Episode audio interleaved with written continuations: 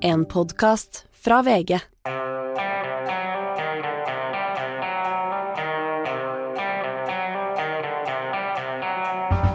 Ikke visste jeg at alle disse dagene som kom og gikk, de var selve uke 18. Det er meg som prøver meg på litt mer sånn artificial intelligence-intro, Hanne, for å være i takt med tiden og tiltrekke meg unge lyttere. Tror du det funker? Jeg får heldigvis kjenne at det fortsatt er den ekte Anders som er inni den stemmen. Så Ja. at, eh, og jeg er glad da- at det ikke funker. Da rømmer ungdommen, når de hører at det er ekte Anders og ikke artificial Anders. Ja, Men du har jo mye ungt i en gammel kropp. Ja da, ja da, ja da. Nå skal jeg ikke begynne å snakke om alderen min, nå gjør vi altfor mye. Eh, Du, eh, du kommer rett fra Arbeiderpartiets landsmøte, selvfølgelig, hvor eh, hele, hele det establissementet av politiske kommentatorer og, og sånn eh, er for tiden. Er det gøy? Ja. Det er morsomt å være der? Det er alltid gøy med Arbeiderpartiets Ja. landsmøte. Jeg ser min gamle kollega og sjef eh, Tone Bratli, som var, eh, var annet kulturredaktør i, i eh, Arbeiderbladet, og også politisk eh, journalist der. Og hun driver og fotograferer og legger ut på Facebook veldig mye sånn litt fra gulvet-perspektiv på landsmøtet, som er veldig morsomt. Og det tenker jeg egentlig at det burde være mer av.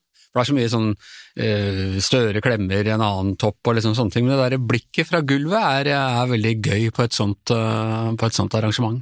Ja, jeg jobba også litt sammen med henne i sin tid. Eh, Flere bør kanskje lære av henne. Ja, At vi bør ta litt med den der snappen og det, det dagligdagse definitivt. på et landsmøte. Jeg møtte Så- Trond Johansen der i går, for eksempel. Gamle Blant annet hadde hun bilde av to andre journalister, Harald Stanghelle og Fridtjof Jacobsen, i samtale med, med La meg jo forklare hvem han er. Han er den gamle etterretningskjempen. Eh, var under krigen som ung 16-åring, tror han satt og, og fila, eller førte informasjon videre fra tyskerne til motstandsbevegelsen. Ble nesten tatt, det er en fantastisk historie. Og så var han det som mange kalte edderkoppen, veldig urettferdig.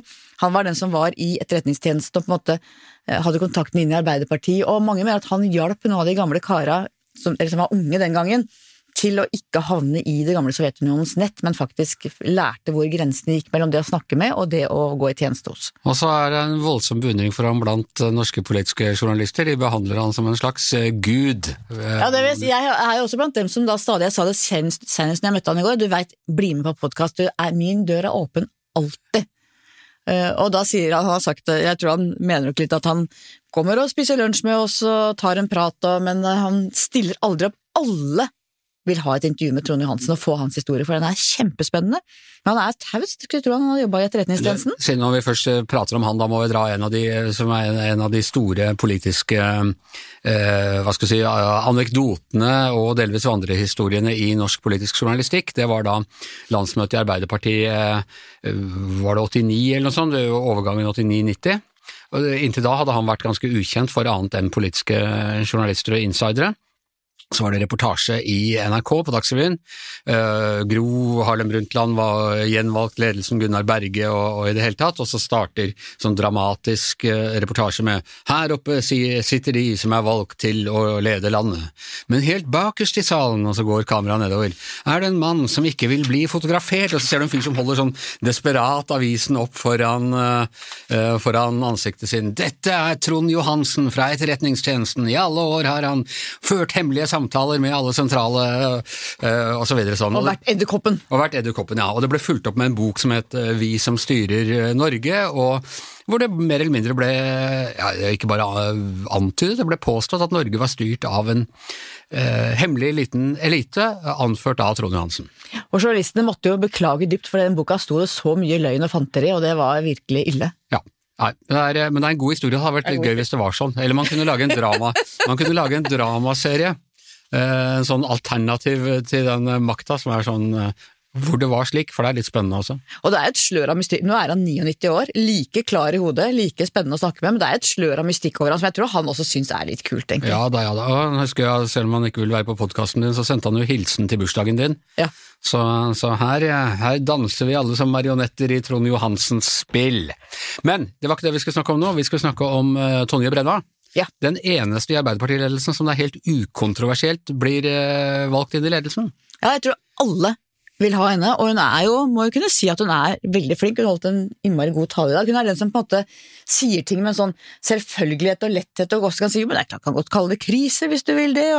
Hun, hun har veldig lite sånn, ja det vi ofte ser hos politikere, sånn går rett i forsvarsposisjon. Hun gjør ikke det. Hun er åpen og ærlig og, og ideologisk og litt sånn gammeldags Jens Stoltenberg for arbeidslinja, for handlingsregelen, for sterkt forsvar, for, ikke sant? Hun er Litt Hun er sånn litt no nonsense. Litt no nonsense-dame. Hun er jo relativt tung, så hun er litt ubesudlet av alle kompromisser og alle avtaler og alle tidligere uttalelser som hjemsøker alle de andre.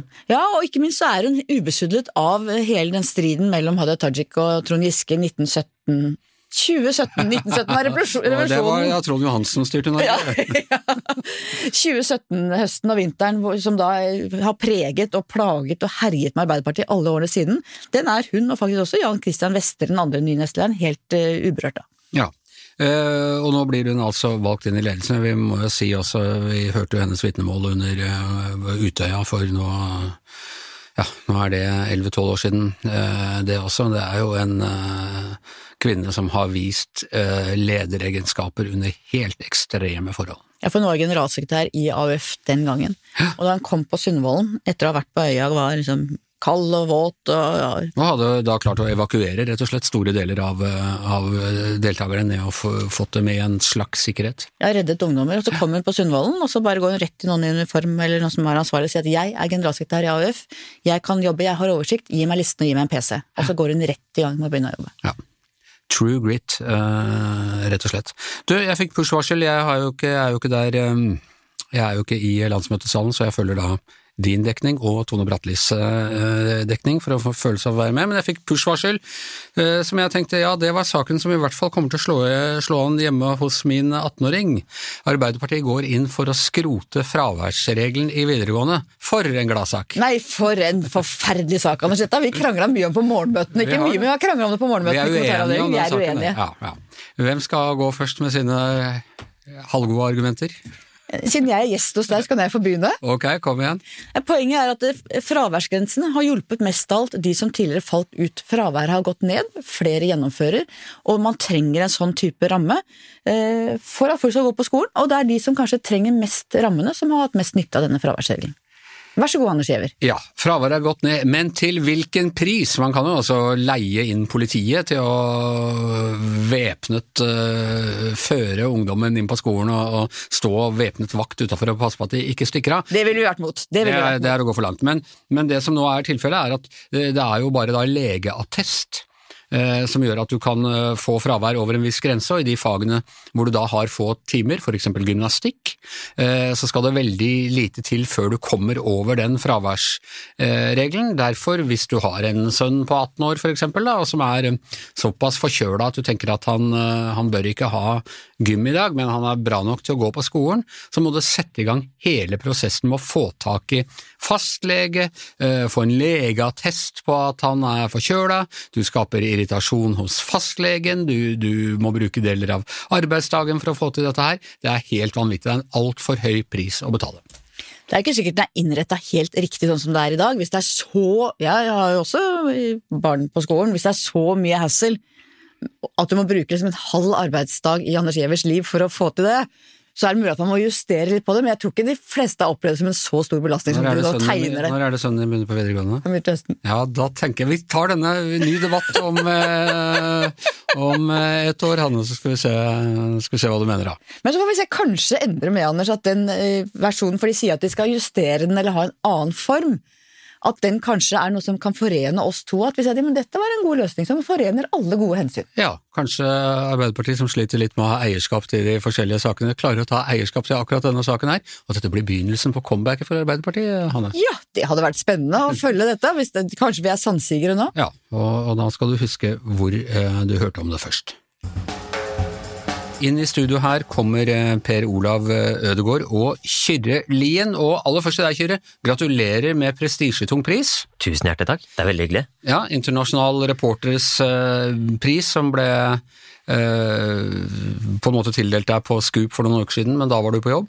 Da var jeg i Odessa og, og rett og slett dekket krigen der og hverdagen, og, og var inne i Ukraina et par uker. Ja, og Det du fikk prisen for, det har du snakket om her på, på Gjever og gjengen tidligere, det er jo den eh, reportasjen som heter 'Sommer i Butsja', som er altså hvor du dro tilbake til denne forstaden til Kyiv, eller er det en by utafor, eller hvordan eh? En by, by slash forstad ja. like utenfor Kiev, hvor noen av de verste forbrytelsene, og, og sannsynligvis krigsforbrytelsene, som russiske soldater sto bak. Voldsomme lidelser som sivilbefolkningen der gikk gjennom. Med folk ble, sivile ble henrettet, uh, voldtatt um, og store ødeleggelser, rett og slett. Ja. Den ligger fortsatt ute på VG-nett, vil jeg anbefale alle å gå inn. En ganske sterk, eh, sterk eh, kost, og du var altså tilbake der i sommer og lagde en reportasje sånn etter, etter, eh, noen måneder etter krigsforbrytelsene. Mm. Så det er, og det tenker jeg også er jo, er jo veldig interessant å se også. Mange av disse stedene som, hvor det har vært store overskrifter og stor dramatikk som har utspilt seg i løpet av det siste året, og dra tilbake og se hvordan, hvordan det er der, hvordan disse frigjorte områdene f.eks. er, eh, etter at russiske styrker har trukket seg ut, og, og medietrykket kanskje også har lagt seg. Det er jo også eh, spennende å høre litt om eh, Odessa. Dette var jo en, det er en stor eh, ukrainsk by ved Svartehavet der. Og det, er, det var jo i den tidlige fasen av krigen også en frykt for at de kunne tape Odessa. Det var en, en viktig strategisk by, selvsagt. Eh, økonomisk viktig. Og, og, det var jo på den tiden, i den første fase av krigen, rykket de jo frem på bred front eh, de russiske styrkene. De var nær ved å ta Kiev, det husker vi alle, men også Odessa var jo veldig i faresonen. Hvordan har befolkningen i byen der opplevd eh, det som har skjedd i løpet av disse, dette året og de ja, to månedene som har gått? Det har jo vært en ganske stor endring både i Odessa og mange av de andre byene også i Ukraina. Nettopp det at de i kanskje i hvert fall den første fasen av krigen kjente på en voldsom usikkerhet og en voldsom følelse av frykt at den russiske krigsmaskineriet rykket frem mot dem. Og det er jo som du sier, Odessa er en strategisk viktig by ved Svartehavet. Det er, var viktig for russiske styrker å også ta den byen for å, for å ta hele havneområdet. Og eh, det klarte de jo ikke. Uh, ukrainske styrker klarte å stå imot, bygde voldsomme forsvarsverk. Og uh, det er et sted hvor, hvor på en måte krigen, krigen og hverdagen spiller, spiller, på lag. Det er folk som er ute på kafé på bar, restauranter, nyter livet, samtidig som du ser skyttergraver, sandsekker over hele bybildet. At selv om akkurat nå så hviler det en, en slags fred der, en slags hverdag, så er krigens nærvær hele tiden til stede. Og at jeg tror um, Odessa for eksempel da, ligger jo da ganske nærme um, de russiske styrkene, og kjenner nok på den, den, krigens nærvær i større grad enn det man kanskje gjør i, uh, i Kyiv. Mm så er det hele tiden vært varslet at det skal komme nå en, en motoffensiv denne våren fra, fra Ukraina. Eh, foreløpig har ikke det skjedd noe. Er det en del av propagandakrigen, eller er det Hvordan opplever folk disse stadig ryktene eh, og sånn som man må forholde seg til? Jeg var, eh, det høres ut som snikskryt, men jeg var på et intervju med Zelenskyj for noen uker siden, og da trakk han selvfølgelig frem dette at uh, motoffensiven kommer til å være helt avgjørende for Ukraina og for fremtiden til landet, og han uh, poengterte nok en gang at de skal, de skal ta tilbake hele Ukraina. Og så er det jo når man snakker med ukrainere ute på gata, soldater nærmere fronten, ingen helt vet når eller hva som kommer til å skje. Kommer Ukraina til å faktisk klare å bryte gjennom de russiske forsvarsverkene? Eh, har de nok materiell? Har de nok eh, stridsvogner? Soldater? Det er veldig mange usikkerhetsmomenter rundt det her. Det er ikke en tvil om at det blir en motoffensiv.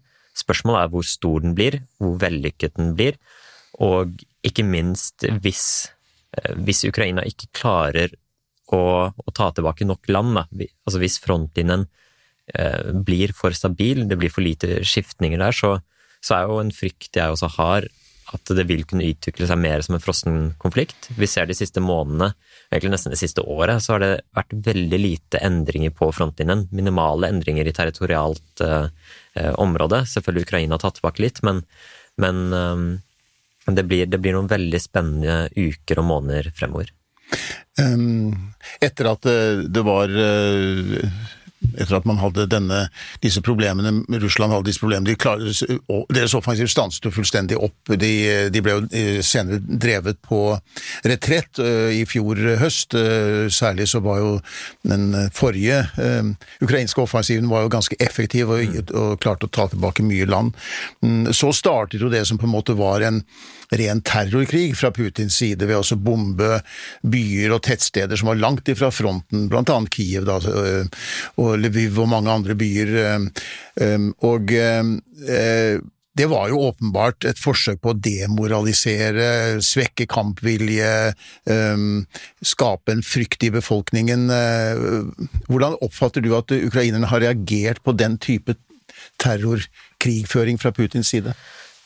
Jeg husker jeg var i, var i, Kyiv i desember, da det her pågikk for, for, alvor. og Da var store deler av byen var mørklagt til tider. Var rullerende strømbrudd. Var vanskelig med mobildekning. Eh, folk hadde ikke varme i hjemmene sine. Men allikevel var folk ekstremt motiverte. Og denne terrorbombingen av sivil infrastruktur, for, meg så virka det som at det gjorde bare ukrainerne enda mer Eh, frustrerte, irriterte og forbanna på Putin, og at det egentlig har hatt motsatt effekt av det kanskje Putin har hatt ønske om. Og så ser man nå i Kiev så er jo strømmen tilbake, mobilnettet er tilbake, varmen er tilbake. Alle disse forsøkene som, som man hadde da, på å slå ut kritisk infrastruktur, har ikke vært vellykket, eh, sett med Russland sine øyne. Og det tenker jeg også viser litt hvor motstandsdyktige og, og tilpasningsdyktige Ukraina har vært i den krigen, og som, som fortsetter å, å, være på en måte kanskje deres kjennetegn da, i, i, denne konflikten.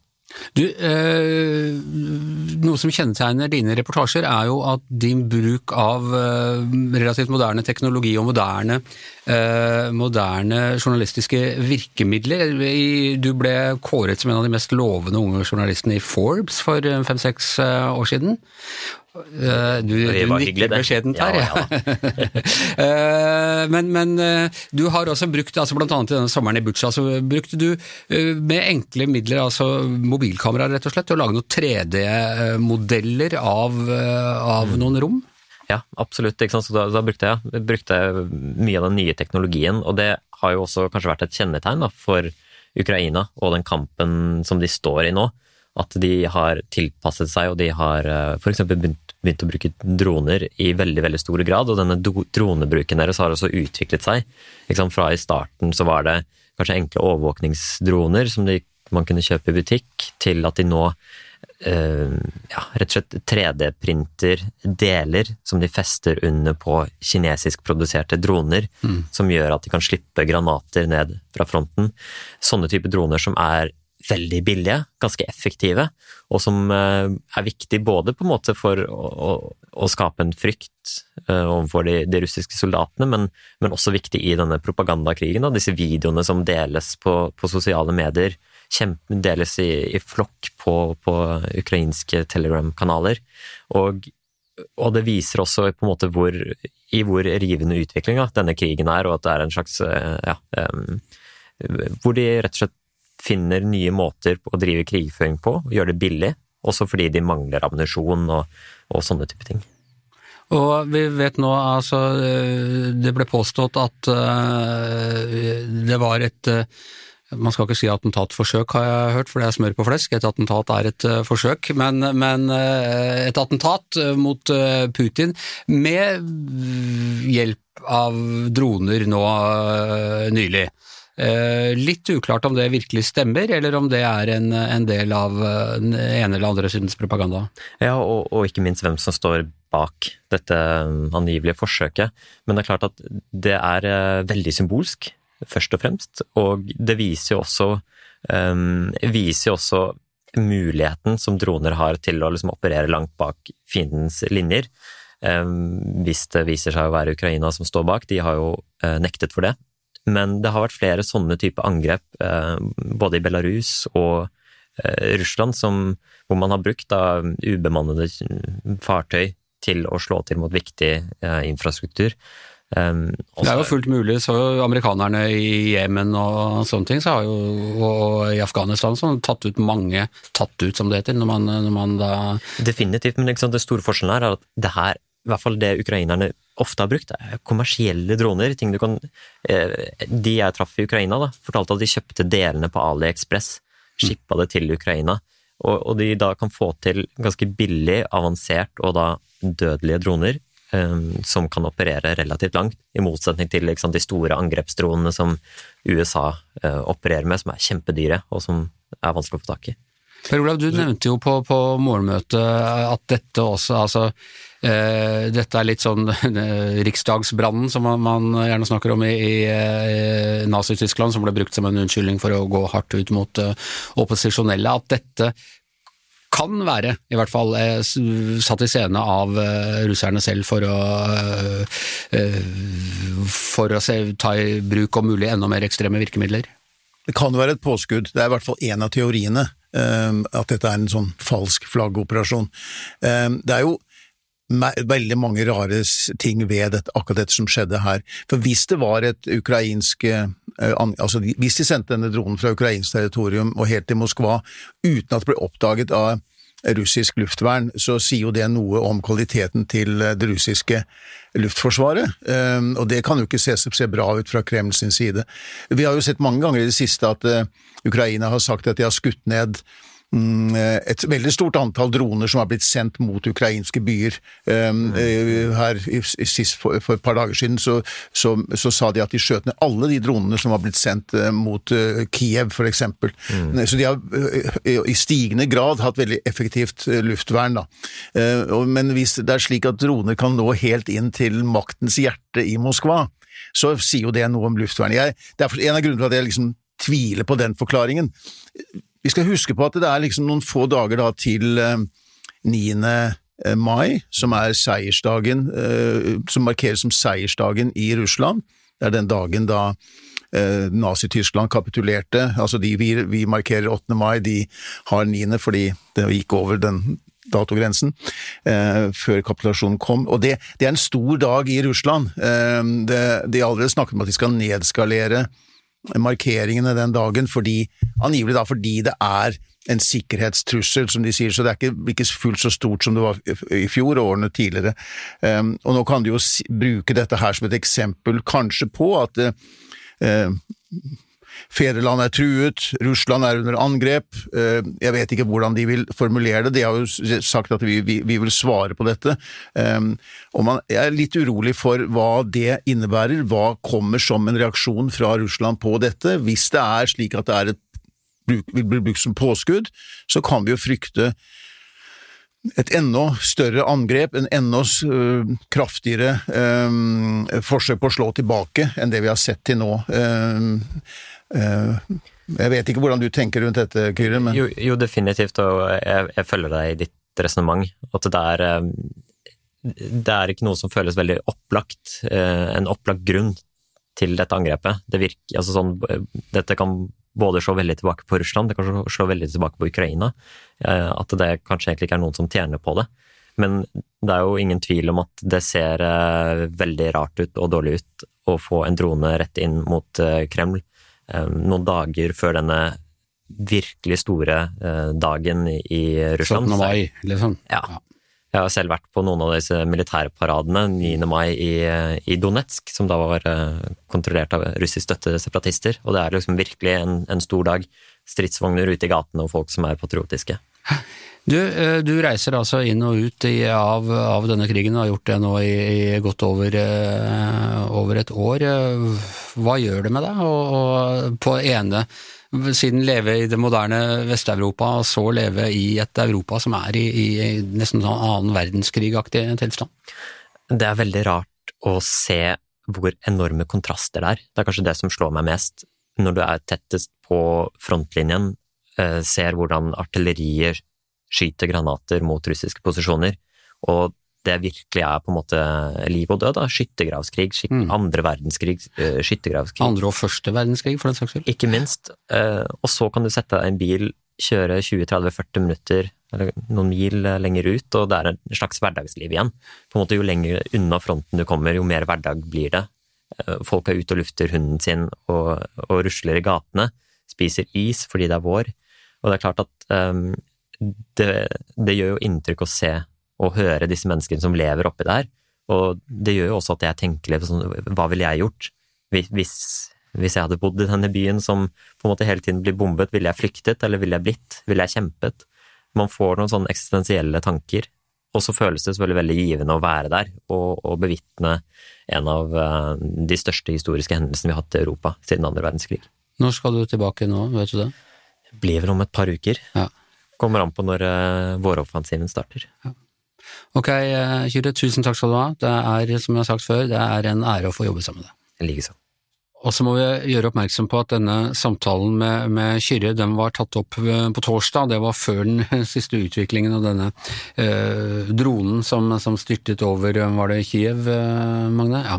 Det er derfor vi ikke nevner den i den samtalen. Sånn er det å gjøre ting i god tid. Denne helgen er det kroning av en ny britisk monark for første gang i vår levetid, faktisk. Ja, og vi har jo levd en stund vi, Anders. Ja, så, så, så, dette er sånn once in a lifetime, dette ja, her. Det er, det er, For de aller fleste av oss, da. Ja, det kan jo bli twice in our lifetime nå. Han er jo eldre enn oss. Jeg tror vi kan regne med det. Ja. Jeg tror vi kan vente det. Det er stort sett en engangshendelse i de flestes liv, da. Jeg husker da jeg var liten, så var det, jeg hadde en eldre kusine, og hun hadde vært eh, liten pike under kroningen, og hun, jeg arvet etter henne en sånn full pakke karet og masse sånne små solater, og, og, og, de, eh, og dronningen selv og Philip som kunne putte inn i kareten og dette. Det er gigantiske greier, det derre veldig snåle, anakronistiske, ritualistiske eh, utpek... eller eh, kroningen av en britisk monark. Ja, jeg var jo inne på den hjemmesiden til Slottet i, i London, da, hvor de da Kongehusets egen side, hvor de sier at denne seremonien som nå skal gjennomføres på, på, på lørdag, har egentlig i bunn og grunn vært uforandret gjennom tusen år. Eh, det er litt overdrivelse, litt overdrivelse det, fordi det har nok vært endringer i det også, men mange av de faste elementene har vært der, og, og, ni, og i 900 år har Westminster Abbey vært åsted for kroningen. Eh, og mm, helt siden nordmannenes invasjon i 1066-71, så, så har det vært erkebiskopen i Canterbury som har ledet den seremonien. Ja. Så det er, lang, det er, virkelig lange tradisjoner vi snakker om. Begynner det liksom at han trekker sverd ut av stenen og sånn, eller hva? hva ja, det, Da er vi tilbake i mytene men, uh, om kong Arthur, men, ja, men samtidig uh, Det er jo både myter og ritualer og tradisjoner og historier som veves sammen for å fortelle en ja, en sammenhengende historie om, om, om, England og Storbritannia. Og det, det litt corny med det er at dette er ganske lett å, å gjøre eh, narr av, og jeg vet at ikke minst i USA, altså et land som er grunnlagt på en revolusjon mot nettopp denne eh, britiske kronen og det britiske overherredømmet, og de, de, de syns det er corny og, og, og sånn, men det er ingen utafor England eh, eller eh, Commonwealth da, selv som er så besatt av de britiske kongelige som, uh, som, USA. Det er noe med at dette det er liksom rett ut av eventyret på en eller annen måte. De er veldig opptatt av, eh, av eh, de kongelige, av kongefamilier i Europa og, og, og keisere og, og, andre steder også, men det er jo slik at ingen steder er det knyttet så mange historier, så mange ritualer som uh, nettopp til det britiske kongehuset, uh, og ingen steder er jo seremoniene like storslåtte som når vi for eksempel skal se en kroning av en, av en, konge. Det er jo ingen andre kongehus som har tradisjoner som kan sammenlignes med akkurat de britiske. De er jo veldig gode på det. Nei, da er der er det Hermelins kapp og sånn taggete krone og... Ja, ja, den, altså denne stolen som han skal uh, sitte på, den er jo uh, fra 1300-tallet, tror jeg, så det er jo vært er brukt av alle Det- konger siden 1600-tallet. Jerntronen fra Game of. Thrones. Ja, altså det er jo virkelig um, og, og, og alle disse, når han, når han får utdelt dette rikseplet og disse septrene, ikke sant, så er det jo så rik symbolikk knyttet til alt som, det, det, som dette er utstyrt med. Det er jo um, Og kjøretøyene som de bruker til og fra videre. Alt har jo en historie, og det forteller jo om en slags kontinuitet, og så er det jo referanser hele tiden til ting som har skjedd gjennom historien. Og så er det en slags sånn jeg vet ikke om du kan kalle det bitter påminnelse, for vi skal være glad det ikke er sånn, at dette var et, eh, et land og, og en trone som hersket over eh, halve jorda, og nå, er de, nå klarer de så vidt å holde Skottland innenfor uh... Solen gikk jo aldri ned over det britiske imperiet, som, som man pleide å si, og det var jo verdens ledende nasjon, eh, dette. Og nå er det ikke det lenger, men de er ledende når det gjelder tradisjoner og på mange måter også på kultur på mange områder. ja. Rule Britannia og leve kongen. Da, Hanne, da går det mot slutten, men da skal vi først reklamere litt for en annen eh, populær podkasttilbud her i Podme, nemlig din, som bærer navnet Skartveit. Ikke Skartveit og gjengen, bare Skartveit. Ja. Og hvem er gjest hos deg eh, nå? Denne uken er det Knut Storberget, leder for Forsvarskommisjonen. Den ble jo lagt fram denne uka. Det er ukas store sak, men jeg, i tillegg til Arbeiderpartiets landsmøte, i hvert fall på innenriksfeltet.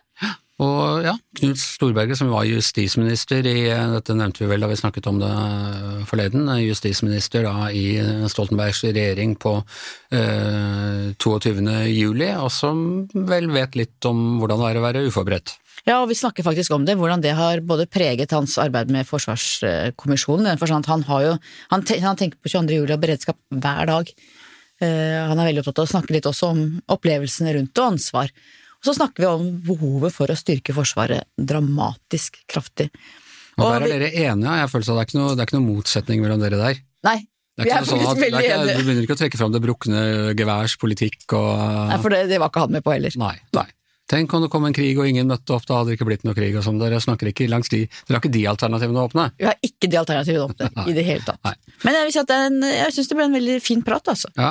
Og så må vi bare si til eh, de som hørte på, la ut den åpne delen, en liten del av det på allerede En på onsdag. teaser, rett og slett? En teaser.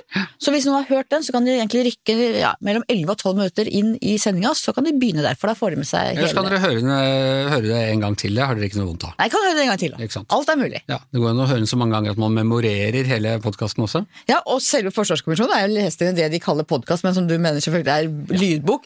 Mer enn 24 timer. Hvis man går inn på iTunes og Spotify, så, går, så kan man laste ned og høre opplest hele kommisjonen med Ja, Jeg er, så, jeg er ikke så selvhøytidelig på det der med podkast og alt kan kalles podkast, men at du sitter og leser høyt fra forsvarskomiteens innstilling bare sånn fra jenta, det er ikke podkast. Det ikke Det er, eh, det er eh, Jeg vil ikke si radioprogram, eller hva var det jeg kalte det. Ja, det er, det er lydbok, eh, rett og slett.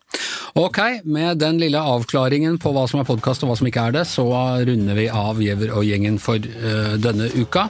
Eh, tusen takk til Hanne Skartveit, tusen takk til Per Olav Ødegaard, eh, tusen takk til Kyrre Lien. Jeg heter Anders Giæver, og mannen som krones som eh, produsent her uke etter uke etter uke, helt tilbake til ridderen av det runde bord, er som vanlig vår produsent Magne Antonsen.